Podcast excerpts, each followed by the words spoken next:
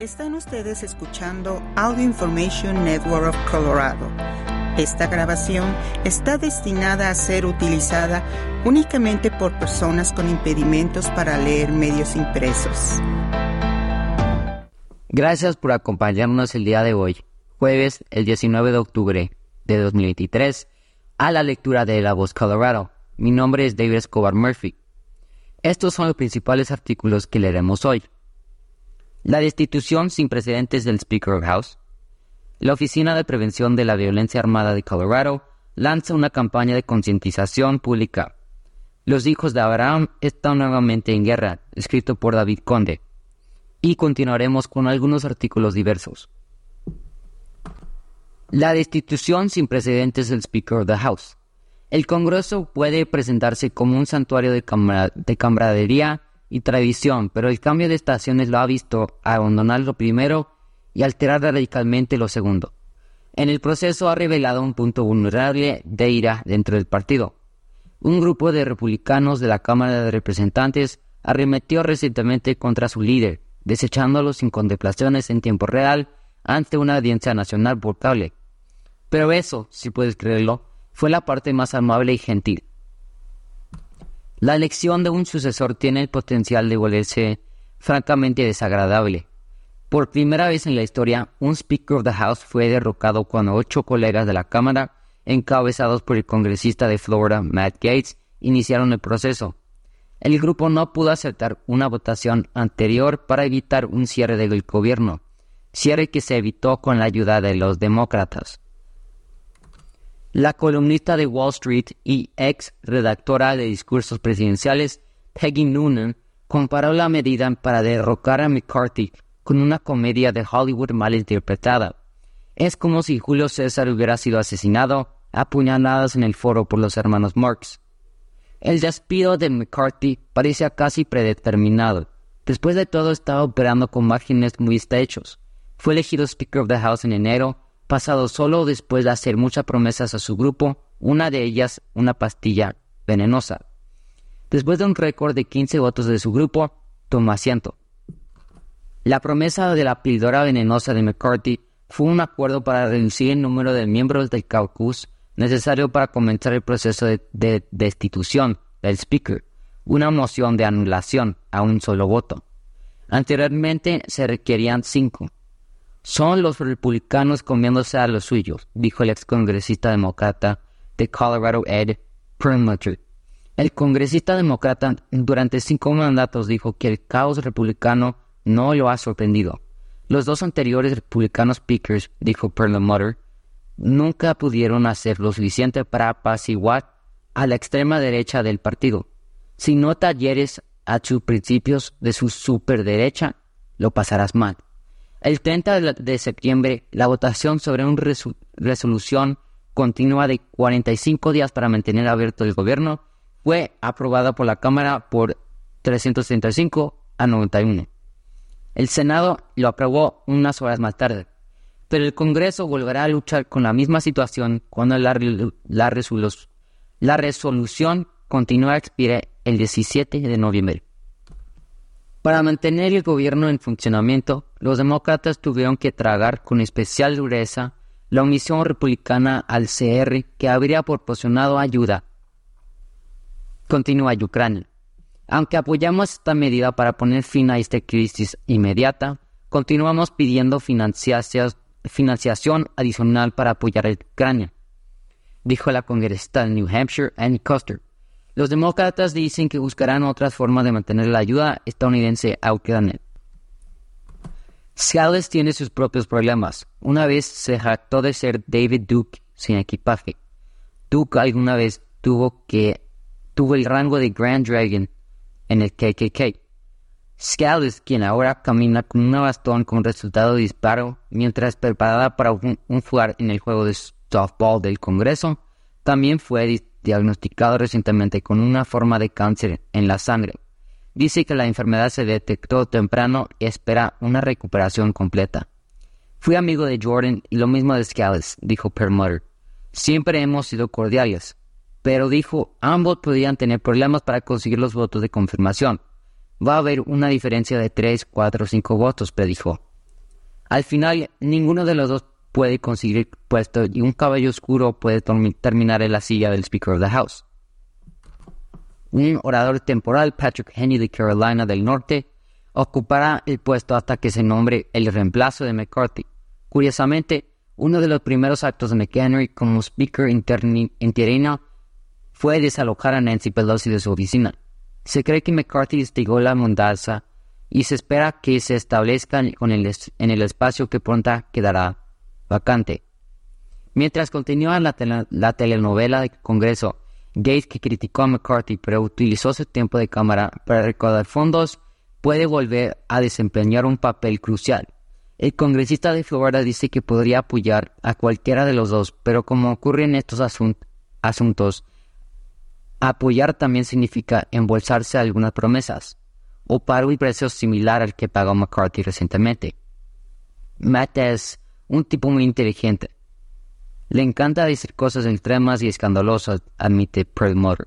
Una persona directa al que le gusta decir cosas incendiarias. Es otra descripción que Perlmutter usa para describir su ex colega. Tanto Jordan como Scales deben estar preparados para uno de los ataques de Gates o de los miembros de la extrema derecha de la Cámara si no obtienen lo que quieren de ninguno de los dos.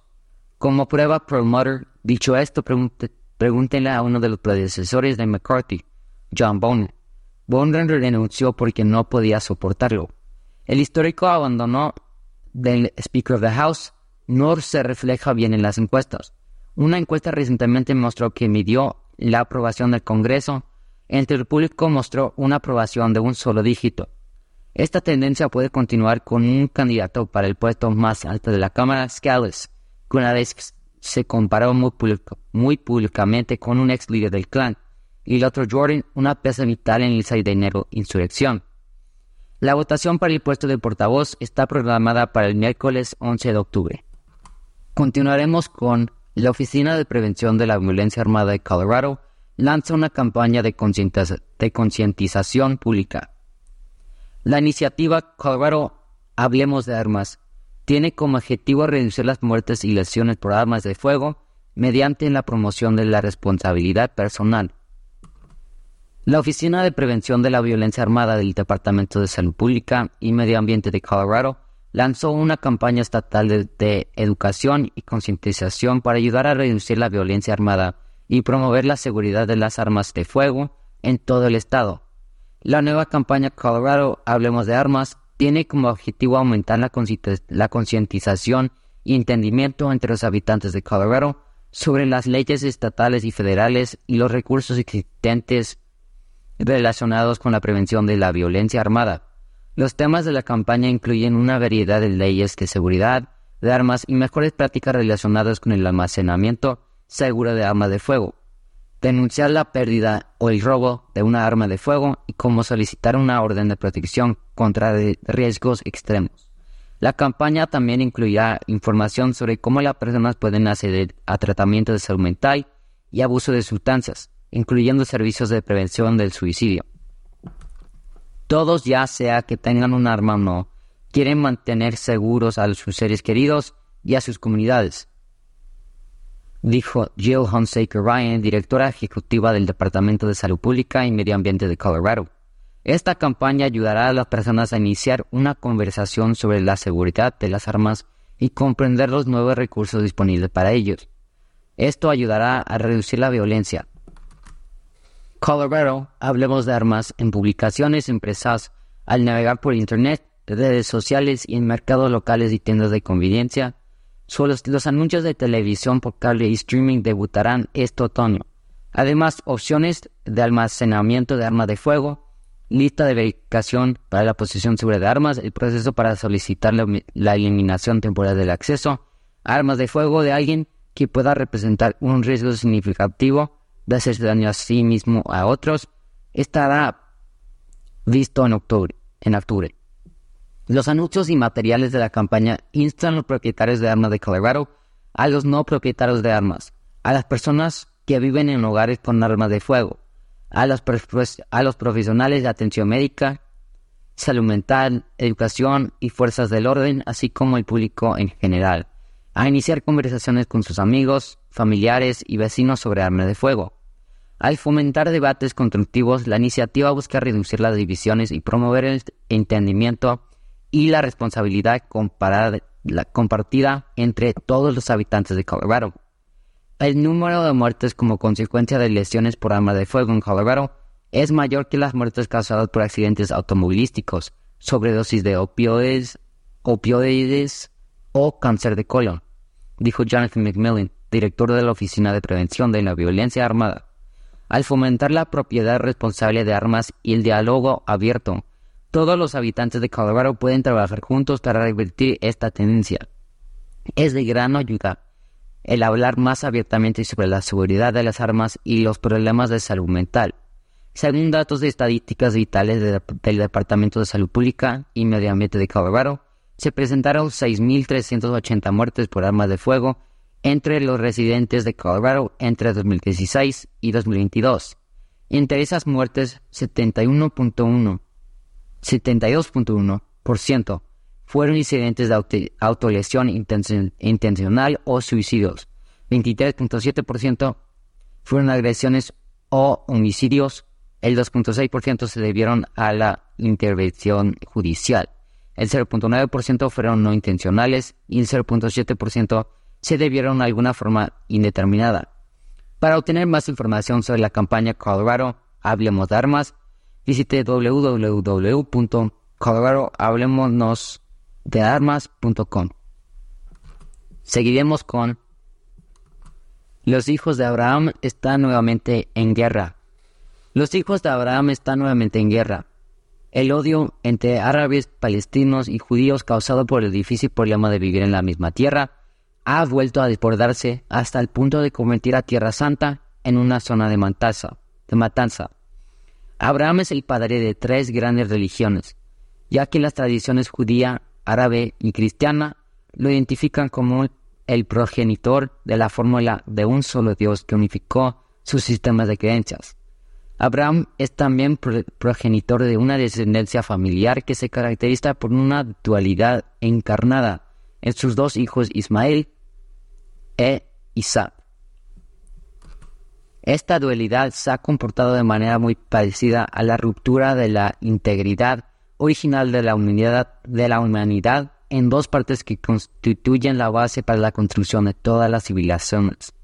La paradoja que utilizamos para lograr perspectiva y orden proviene de esa unidad original que se rompió y con el tiempo se convirtió en opuestos. La misma clase de situación aconteció a los hijos de Abraham, en este caso, sin embargo, hay un ingrediente añadido que ha sido fuerte y fuente de controversia a lo largo de los cuatro mil años transcurridos desde que Abraham hizo su aparición. Las escrituras dicen que Abraham y Sara, su esposa, no podían tener hijos y por eso eligieron que Abraham tuviera un hijo con Agar, su esclava egipcia. El hijo de Abraham con Agar fue Ismael. De hecho, Ismael era el primer hijo y estaba en la línea de tener los derechos y privilegios exclusivos que se otorgarían al primogénito. Pero entonces Sara finalmente quedó embarazada y tuvo a Isaac, un evento que creó complicaciones en el hogar. La Biblia dice que Dios se involucró y eligió a Isaac como padre de su pueblo escogido. Como resultado, Agar y su hijo fueron desertados en el, en el desierto y se llevaron consigo la promesa de Dios que Ismael también sería padre de una gran nación. Esa decisión, sin embargo, rompió la unidad de, la familia de Abraham en dos partes y provocó un distanciamiento hasta el punto de que las dos culturas no pueden verse viviendo juntas en el mismo espacio. Además de eso, en 1948, los aliados de la Segunda Guerra Mundial ayudaron a establecer el Estado de Israel en Palestina como una, una patria judía.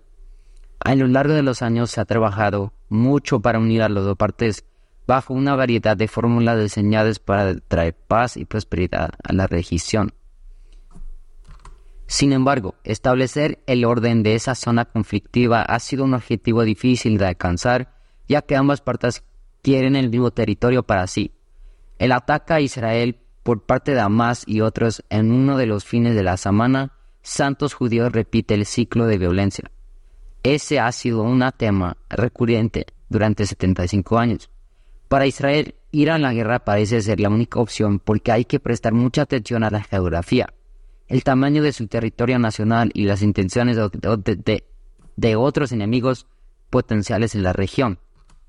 Como en el pasado, Estados Unidos está obligando a apoyar la defensa de Israel en este momento crítico. Eso no debería significar que miremos hacia otro lado cuando se trata de, la difícil situación del pueblo palestino. Pero al igual que con Ucrania, es necesario hacer el máximo esfuerzo para apoyar la existencia de Israel y tratar de rescatar a los régenes, entre los que parece haber estadounidenses. Es irónico que la tierra de leche y miel sea un campo de exterminio implacable. Se puede decir que los agravios que lo crearon se remontan a mucho tiempo atrás. Los hijos de Abraham están nuevamente en guerra. Esa no es una solución. Terminaremos con Flora Archuleta, la salvavidas de inmigración del Valle de San Luis. Las palabras de la escritora Emma Lazarus al pie de la Estatua de la Libertad durante mucho tiempo fueron significativas y emblemáticas de una nación Dame tus masas cansadas, pobres, apiñadas, que anhelan respirar libres.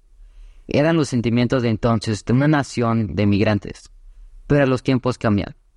Una explosión de estadounidenses anti-inmigrantes cree ahora que eran palabras para otro momento. Ahora creen que los inmigrantes, especialmente aquellos que cruzan nuestra frontera sur, no pertenecen aquí y necesitan regresar a sus países. Culpan a los inmigrantes por el crimen las enfermedades y, como dijo recientemente el expediente Trump, por envenenar la sangre de la nación. Pero a pesar del corro de antimigrantes, Estados Unidos sigue siendo un faro de esperanza y un santuario para una vida mejor. Ahí es donde entra gente como Flora Archuleta de Alamosa. Durante más de 20 años, Archuleta ha sido clave para allanar, allanar el camino para los recién llegados que vienen a quedarse en el Valle de San Luis o para otros que pasan a otros lugares. Archuleta es el director ejecutivo del Centro de Recursos para Migrantes del Valle de San Luis. Es un lugar al que acuden los recién llegados u otras personas que han estado en el país durante años cuando necesitan ayuda para todo, desde cuestiones de tarjeta de residencia hasta aclarar dudas sobre DACA. Es rápido, fácil y quizás lo más importante, asequible. No cobramos lo que podría cobrar, un abogado, dijo Archuleta en una llamada telefónica recientemente.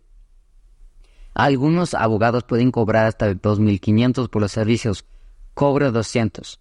Todo depende del servicio. Algunos clientes llegan necesitando ayuda cuando se trata de un problema de inmigración inmediato. A otras, como a una mujer a la que el chuleta ayudó recientemente, le robaron el bolso que tenía su tarjeta verde, la prueba que un inmigrante debe tener para permanecer en el país. Una tarifa normal para reemplazar una tarjeta verde probablemente habría estado mucho más allá del dedo de la mujer. Otras veces la gente viene a su oficina porque se ha convertido en víctima de violencia doméstica y necesita un lugar donde quedarse, o se ha convertido en víctima de un crimen y teme que no tener los documentos correctos para mostrar a los funcionarios de inmigración resulte en la deportación. No tener los trámites adecuados puede cambiar una vida. Archuleta dijo que a diferencia de muchas ciudades estadounidenses que experimentan una afluencia repentina de inmigrantes, Alamosa y el Valle no tienen una avalancha de inmigrantes. No tenemos muchos recién llegados, dijo. La razón por la cual que muchos de ellos vienen aquí es que van a otro lugar. También vendrán a ver a Chuleta, dijo, porque la oficina de ICE, Alamosa, cerró recientemente. Cuestiones de, inmigrante, de inmigración se encuentran en Florencia, a tres horas de, de Alamosa. Archuleta, el salvavidas de inmigración del Valle, desde hace mucho tiempo dijo que su oficina ayuda a alrededor de 2.000 personas cada año. Algunos no podrían sobrevivir sin nosotros. En esos casos su oficina proporciona comida, dinero para servicios públicos y vales para el alojamiento temporal. Los servicios públicos pueden significar la diferencia entre la vida y la muerte en el valle, donde las temperaturas internales y invernales pueden bajar a 30 o más grados bajo cero. El defensor de, la inmigración dijo que el Valle también es uno de los momentos cada año en que los inmigrantes necesitan ayuda. En diciembre, las vacaciones, vemos muchas más víctimas de delitos. Debido a que, como dice Archuleta, La población inmigrante en Alamosa y sus alrededores es principalmente estática. Ella tiene clientes que cuando la conocieron por primera vez, ahora tienen niños que vienen al centro. Vienen para todo, desde solicitar ingreso a la universidad hasta recibir ayuda con la escuela. Hacemos extensión educativa, dijo Arzuleta. También hacemos ESL, inglés como segunda idioma para adultos. Su oficina también ofrece un programa de tutoría después de la escuela. Las personas que ayudan el Centro de Cursos de Inmigrantes del Valle de San Luis, dijo Archuleta, son una población esencial en Valle. Su centro no solo ayuda a quienes llegan de camino a otros lugares, sino que también brinda estabilidad a otras personas que trabajan en los almacenes de papas, de papas y otras operaciones agrícolas que salpican el valle. Estos lugares no podrían sobrevivir, dependen de ellos. Los empleadores locales, dijo, saben que son confiables y confiables y por eso muchos lo buscan. Gracias por acompañarnos en esta edición de La Voz Colorado. Mi nombre es David Escobar Murphy. La programación regular de este podcast no está disponible en este momento. Esperamos que disfrute de esta transmisión especial de AINC. Gracias por acompañarnos. El día de hoy 14 de noviembre 2023, miércoles, a la lectura de Telemundo Denver. Mi nombre es Janet Beatty. Estos son los principales artículos que leeremos hoy. Excluirían del Medicaid a millones de personas que viven bajo pobreza en Estados Unidos, por The Associated Press.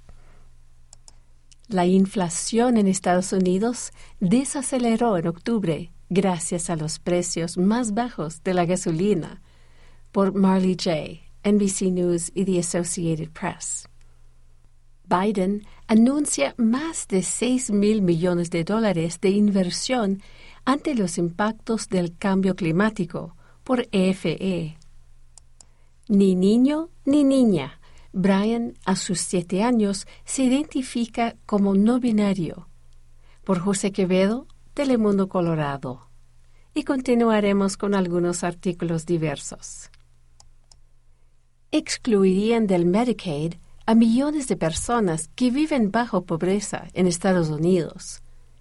Los estados están realizando una reevaluación amplia de los 94 millones de personas enroladas en Medicaid, que también atiende a millones de personas en hogares para ancianos por The Associated Press.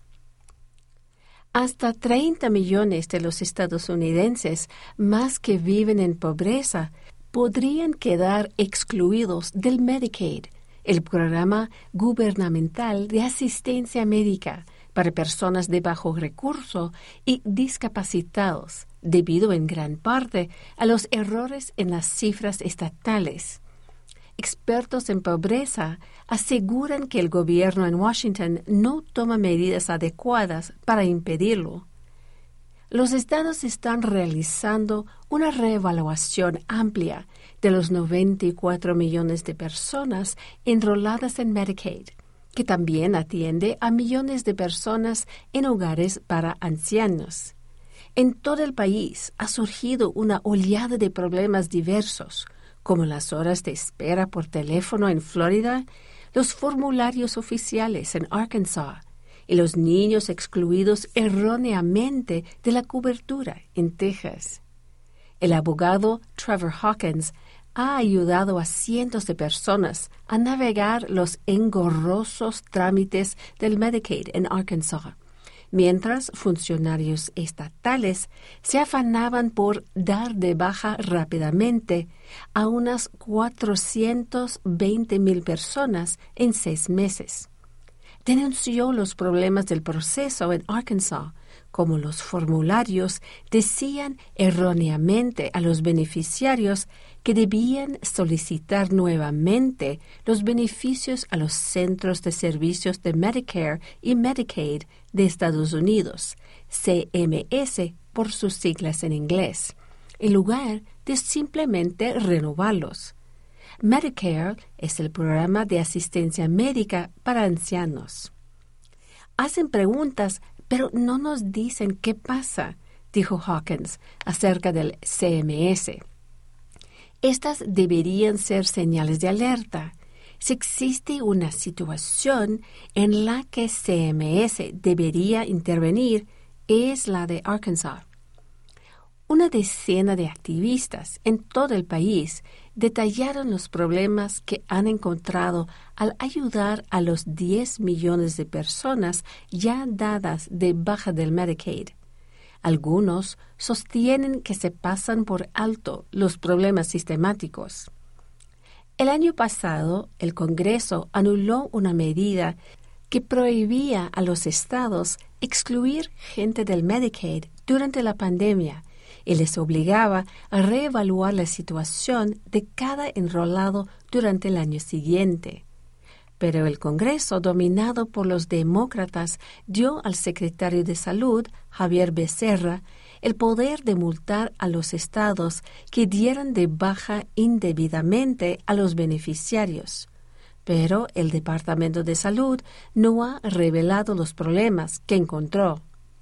Meses atrás, la agencia detuvo momentáneamente las bajas en 14 estados, pero no aclaró cuáles eran esos estados ni por cuáles motivos. La inflación en Estados Unidos desaceleró en octubre gracias a los precios más bajos de la gasolina, en una señal de que los aumentos de las tasas de interés de la Reserva Federal continúan enfriando los aumentos de los precios al consumidor. Por Marley J., NBC News y The Associated Press. Washington. La inflación en Estados Unidos se desaceleró el mes pasado en una señal de que los aumentos de las tasas de interés de la Reserva Federal continúan enfriando los aumentos de los precios al consumidor, que han atormentado a los consumidores durante los últimos dos años. El informe de este martes del Departamento de Trabajo mostró que los precios más bajos de la gasolina ayudaron a enfriar la inflación general, que se mantuvo sin cambios de septiembre a octubre, por debajo del salto del 0.4% del mes anterior. En comparación con hace un año, los precios al consumo aumentaron un 3.3% en octubre, frente al 3.6% de septiembre. Excluyendo los volátiles precios de los alimentos y la energía, los llamados precios básicos también se debilitaron inesperadamente. Aumentaron solo un 0.2% de septiembre a octubre, ligeramente por debajo del ritmo en los dos meses anteriores. Los economistas siguen de cerca los precios subyacentes que se cree que brindan una buena señal de la trayectoria futura de la inflación. Medidos año tras año, los precios subyacentes aumentaron un 4% en octubre frente al 4.1% de septiembre.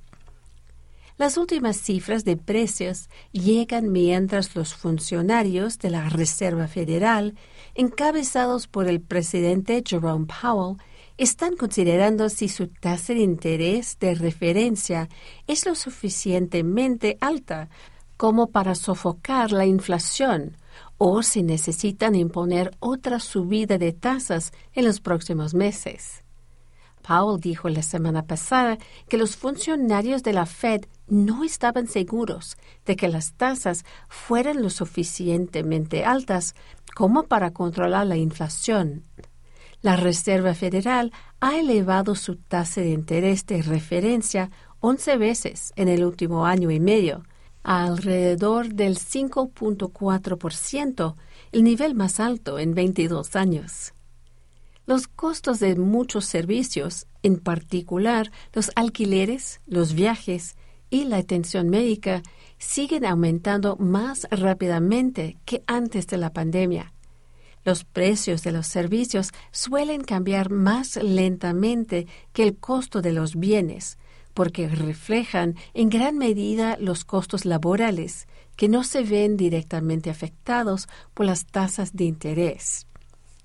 Los aumentos de tasas del Banco Central han aumentado los costos de las hipotecas, los préstamos para automóviles, las tarjetas de crédito y muchas formas de endeudamiento empresarial como parte de una campaña concertada para desacelerar el crecimiento y enfriar las presiones inflacionarias. La Reserva Federal está tratando de lograr un aterrizaje suave aumentar los costos de endeudamiento lo suficiente como para frenar la inflación sin llevar a la economía una recesión profunda.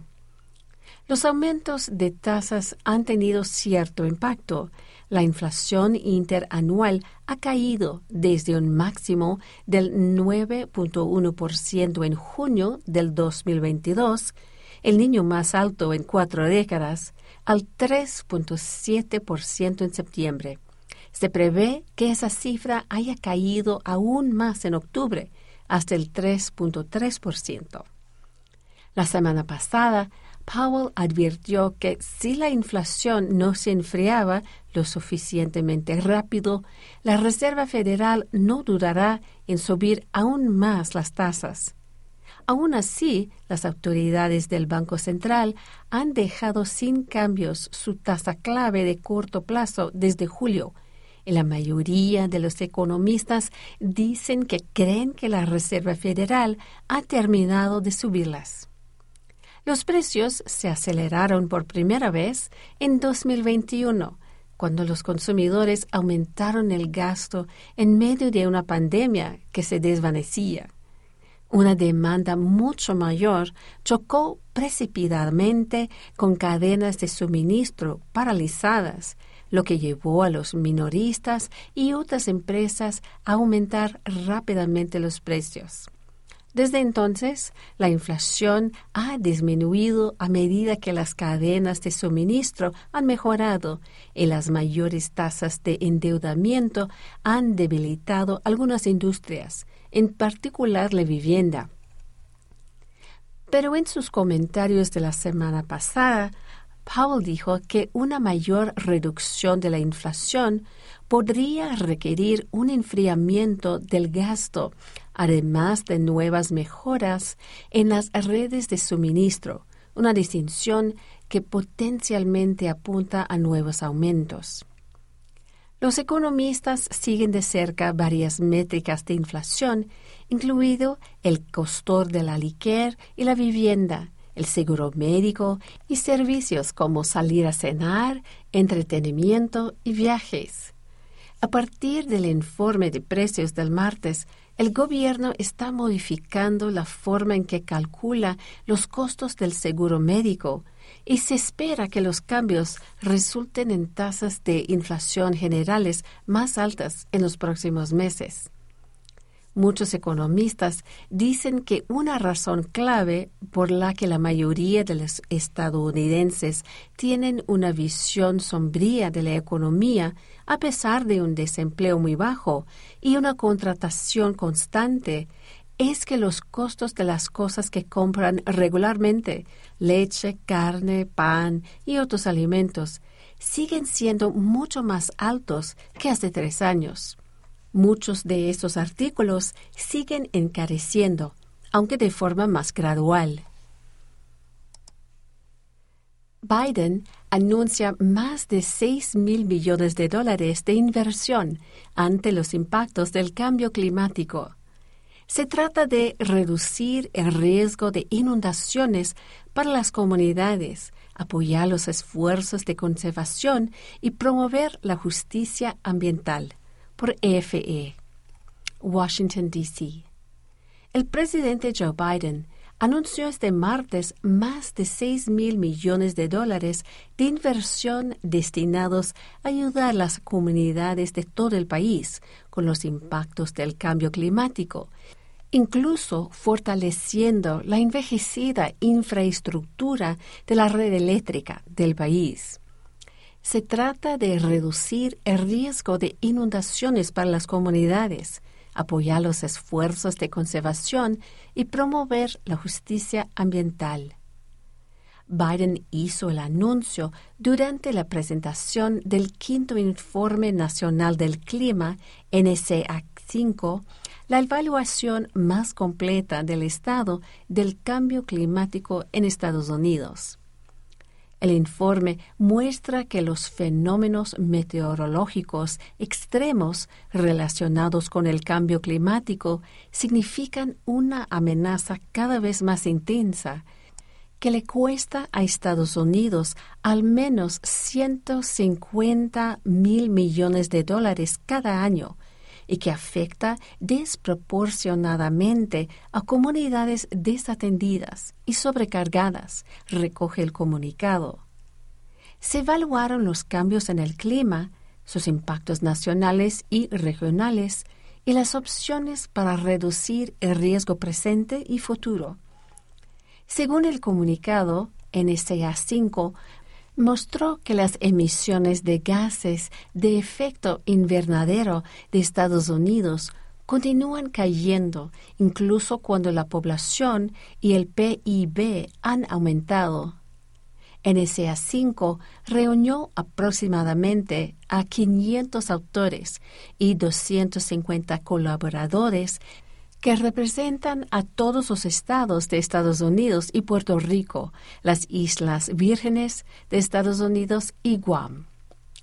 Biden anunció esta partida presupuestaria como parte de una agenda que lleva el actual gobierno, denominada Investing in America, invertir en Estados Unidos.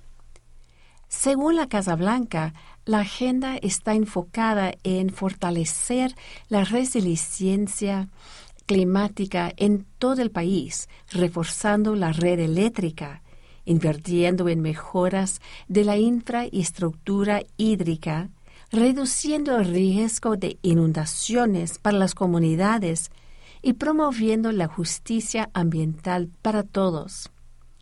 Investing in America se ocupa de reconstruir nuestras carreteras y puentes utilizando materiales Made in America, construidos por trabajadores estadounidenses. Y está transformando nuestro país para mejor, llegando a comunidades en todos los rincones de Estados Unidos, incluidas aquellas que con demasiada frecuencia han quedado atrás, detalla la Casa Blanca. Ni niño ni niña. Brian, a sus siete años, se identifica como no binario. La familia de fe católica también se cuestiona cómo la Iglesia percibirá a Brian, considerando los versículos bíblicos que hablan de la creación de hombres y mujeres. Por José Quevedo, Telemundo Colorado. Denver, Colorado. La experiencia de aceptación y comprensión de la identidad de género es un tema crucial en la sociedad. Muchos padres enfrentan desafíos significativos al recibir la noticia de que un hijo se identifica como no binario. Sin embargo, es fundamental destacar que, según los informes, casi dos millones de personas en Estados Unidos se identifican como no binarias.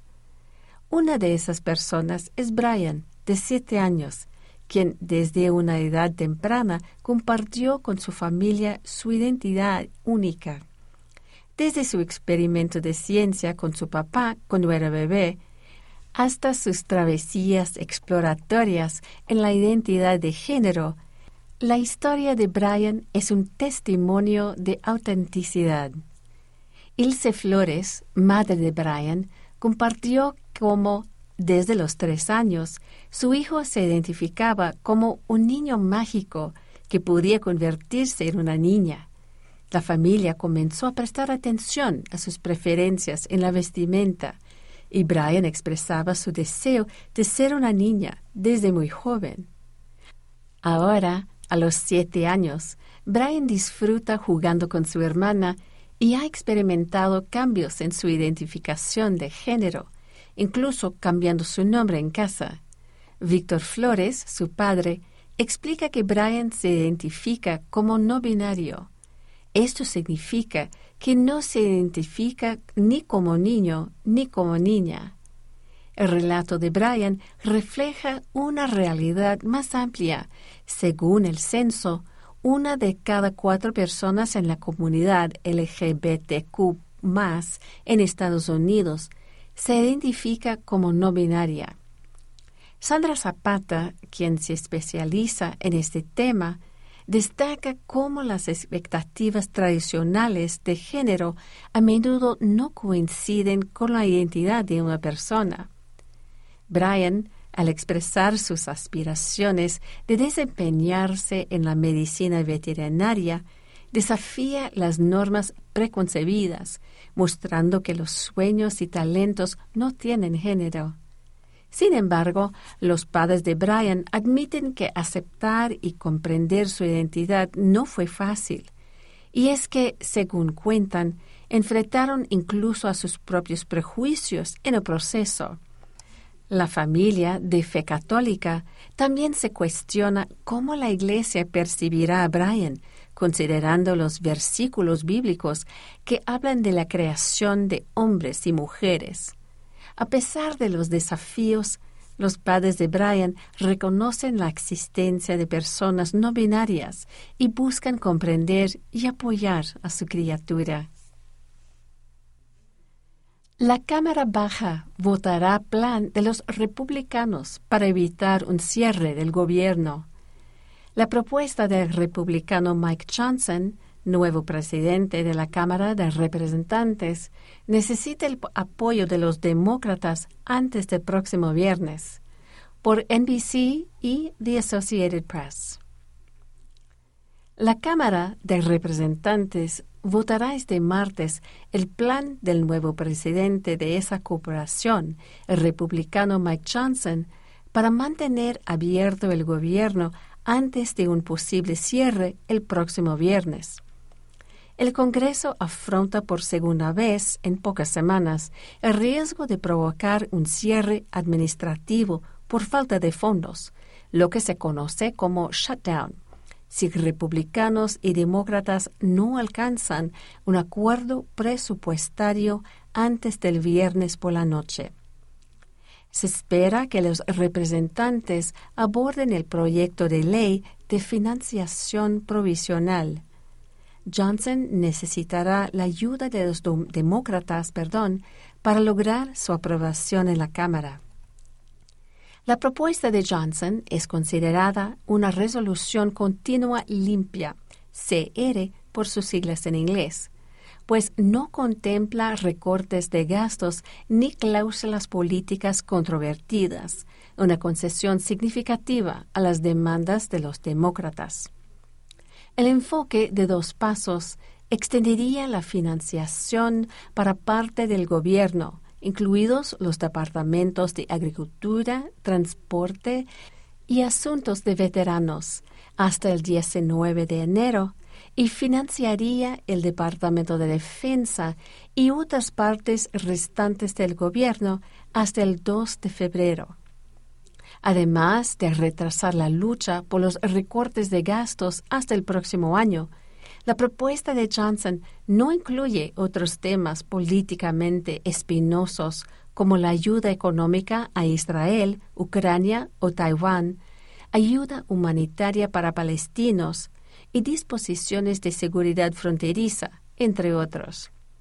Esos temas espinosos se suspenderán hasta después de Thanksgiving.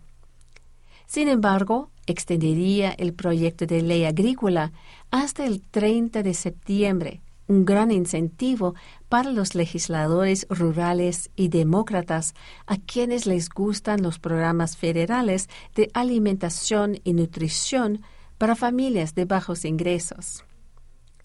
¿Qué es un cierre del gobierno? Un cierre de gobierno ocurre cuando el Congreso no logra aprobar un plan de financiamiento que sea promulgado por el presidente. Se supone que los legisladores deben aprobar 12 proyectos de gastos para financiar agencias de todo el gobierno, pero el proceso lleva mucho tiempo. A menudo aprueban extensiones temporales llamadas resoluciones continuas o CR para permitir que el gobierno siga funcionando. Cuando no se promulga un presupuesto, las agencias federales frenan todo trabajo no esencial y no envían cheques de pago mientras dura el cierre. Aunque los empleados considerados esenciales para la seguridad pública, como los controladores de tráfico aéreo y los agentes del orden, todavía tienen que presentarse a trabajar, otros empleados federales permanecen de licencia. Según una ley de 2019, esos trabajadores reciben pagos atrasados una vez que se soluciona el tema presupuestario. En caso de shutdown, cerca de dos millones dejarán de cobrar su sueldo. La mayoría recuperará el dinero de forma retroactiva y aunque muchos de ellos dejarán de trabajar, otros muchos, como los militares o trabajadores de aeropuertos, están obligados a seguir cumpliendo. La falta de fondos provocará todo tipo de dólares de cabeza para el gobierno, desde el cierre de museos y parques nacionales hasta la suspensión de inspecciones sanitarias de alimentos o la interrupción de programas de investigación científica.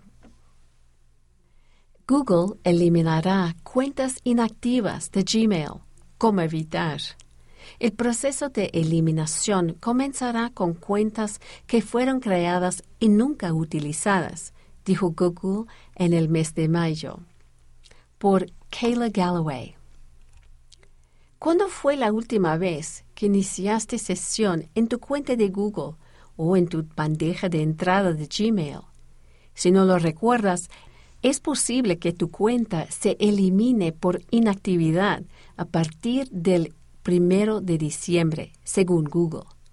El gigante tecnológico dice que las cuentas que no se han utilizado durante un periodo de tiempo prolongado tienen más probabilidades de verse comprometidas o en riesgo. Para combatir el riesgo, Google dice que puede eliminar cuentas que no se hayan utilizado durante al menos dos años. Esto incluye las cuentas de Gmail, Google Drive, YouTube y Google Photo de los usuarios. Los productos de Google se reservan el derecho de eliminar sus datos cuando su cuenta no haya sido utilizada dentro de ese producto durante un periodo de dos años, dijo la compañía. Según Google, es menos probable que las cuentas inactivas tengan configurada la verificación en dos pasos y pueden usar contraseñas antiguas o reutilizadas. La compañía dice que este cambio en su política de inactividad no se aplicará a cuentas escolares o comerciales, solo a aquellas con cuentas personales.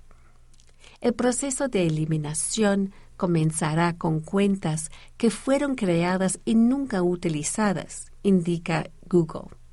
Los usuarios recibirán varias notificaciones tanto en su cuenta de Gmail como en su dirección de correo electrónico de recuperación antes de que se elimine su cuenta. ¿Cómo mantener activa tu cuenta de Google? La forma más sencilla de mantener activa una cuenta de Google es iniciar sesión al menos una vez cada dos años, dice la política de la empresa. Si ha iniciado sesión recientemente en su cuenta de Google o en cualquiera de nuestros servicios, su cuenta se considera activa y no se eliminará. Si revisó su correo electrónico, vio un video de YouTube o descargó una aplicación en Google Play Store, su cuenta no corre riesgo de ser eliminada, dijo la compañía. Piden investigar como crímenes de guerra los ataques de Israel en los hospitales de Gaza. La ONG Human Rights Watch calificó de ilegales los repetidos ataques del ejército israelí en los hospitales de Gaza por EFE. Jerusalén. La ONG Human Rights Watch, HRW, instó a investigar los repetidos ataques aparentemente ilegales del ejército israelí a instalaciones sanitarias, personal y transporte médicos que, aseguró, podrían constituir crímenes de guerra. Según la entidad, todo ello está destruyendo aún más el sistema sanitario de Gaza, y tras días de fuertes combates en que Israel va avanzando a nivel terrestre sobre el norte y la ciudad de Gaza, las preocupaciones sobre ataques desproporcionados se magnifican en los hospitales. Incluso la amenaza de un ataque o de daños menores puede tener enormes implicaciones de vida o muerte para pacientes y personal sanitario, asegura HRW, que apela al gobierno israelí a poner fin a los ataques a los hospitales, algo que la Corte Penal Internacional y la Comisión Internacional Independiente de Investigación sobre Territorio Palestino Ocupado deberían investigar. Israel dice que el grupo islamista Hamas tiene una red de túneles e infraestructura militar debajo y en torno a los hospitales de Gaza, y ayer le acusó de usar el hospital infantil Rantisi para esconder a milicianos que cometieron el ataque del 7 de octubre en Israel, y retener a rehenes que fueron hechos cautivos entonces. Aún así, según HRW, pese a las alegaciones israelíes de que jamás hace un uso cínico de los hospitales, cualquier evidencia que haya no es una razón para privar a los hospitales y ambulancias de su estatus de protección bajo el derecho internacional humanitario. A su vez, denunció los 137 ataques contra la atención sanitaria de Gaza registrados hasta el 12 de noviembre, según datos de la Organización Mundial de la Salud, OMS, que también contabilizó la muerte de 521 personas, entre ellas 16 trabajadores humanitarios, y han dejado casi 700 heridos entre pacientes y sanitarios. HRW también lamentó el cerco israelí casi total sobre el enclave que veta el acceso de agua, comida, recursos básicos como medicinas y combustible, lo que ha dejado sin electricidad a hospitales por no tener gasolina para hacer funcionar los generadores. Dos tercios de los centros de atención primaria y la mitad de hospitales de Gaza no funcionan en un momento en que el personal médico se enfrenta a un número sin precedentes de pacientes gravemente heridos, lo que ha dejado a los centros sanitarios sin medicamentos ni equipamiento básico, obligando a médicos a operar sin anestesia y a usar vinagre como antiséptico.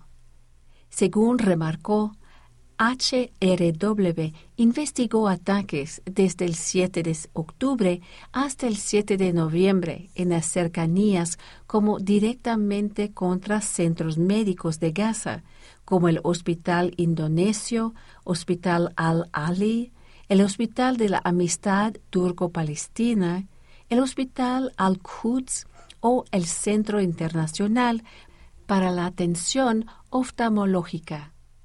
Este último fue atacado repetidamente y completamente destruido entre el 10 y 11 de octubre, dijo HRW. También mencionó el caso del Hospital Al-Shifa, el más grande de Gaza, donde los recientes ataques, el cerco al hospital denunciado por los palestinos y que Israel negó, y el corte de energía llevaron a la muerte de tres bebés prematuros y al menos 29 pacientes entre el 11 y 13 de noviembre. Impedir el acceso de los civiles a artículos esenciales para su supervivencia como agua, alimentos y medicinas equivale a un castigo colectivo y es un crimen de guerra, concluyó HRW, que apeló a las partes en conflicto a facilitar el paso de ayuda humanitaria imparcial para todos los civiles necesitados. Hayan sin vida al magistrade, primer juez de género no binario electo en México por EFE. Ciudad de México, el gobierno mexicano reportó este lunes el hallazgo sin vida de Jesús Ociel Baena, conocido como magistrade, por ser la primera persona de género no binario en ocupar un cargo como jurista electoral y en obtener un pasaporte con esta identidad en México. Efectivamente, apenas nos estamos enterando, se va a hacer la investigación, no sabemos en este momento, de acuerdo al reporte de las autoridades, de qué se trata, si se trata de algún homicidio o fue un accidente, declaró la secretaria de Seguridad y Protección Ciudadana del Gobierno, Rosa Isela Rodríguez, en conferencia.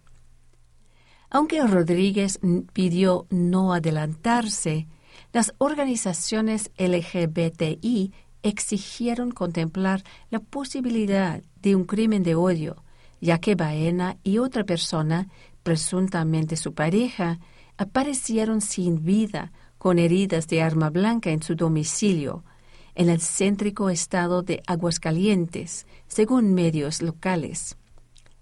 Lamentamos profundamente la muerte del magistrado Ociel Baena, su legado en la lucha por la igualdad y contra la discriminación a través de litigio estratégico y acciones incansables en favor de la diversidad sexual y de género es invaluable. Exigimos el esclarecimiento total de los hechos, indicó el Movimiento por la Igualdad en México, MOVII, en un pronunciamiento.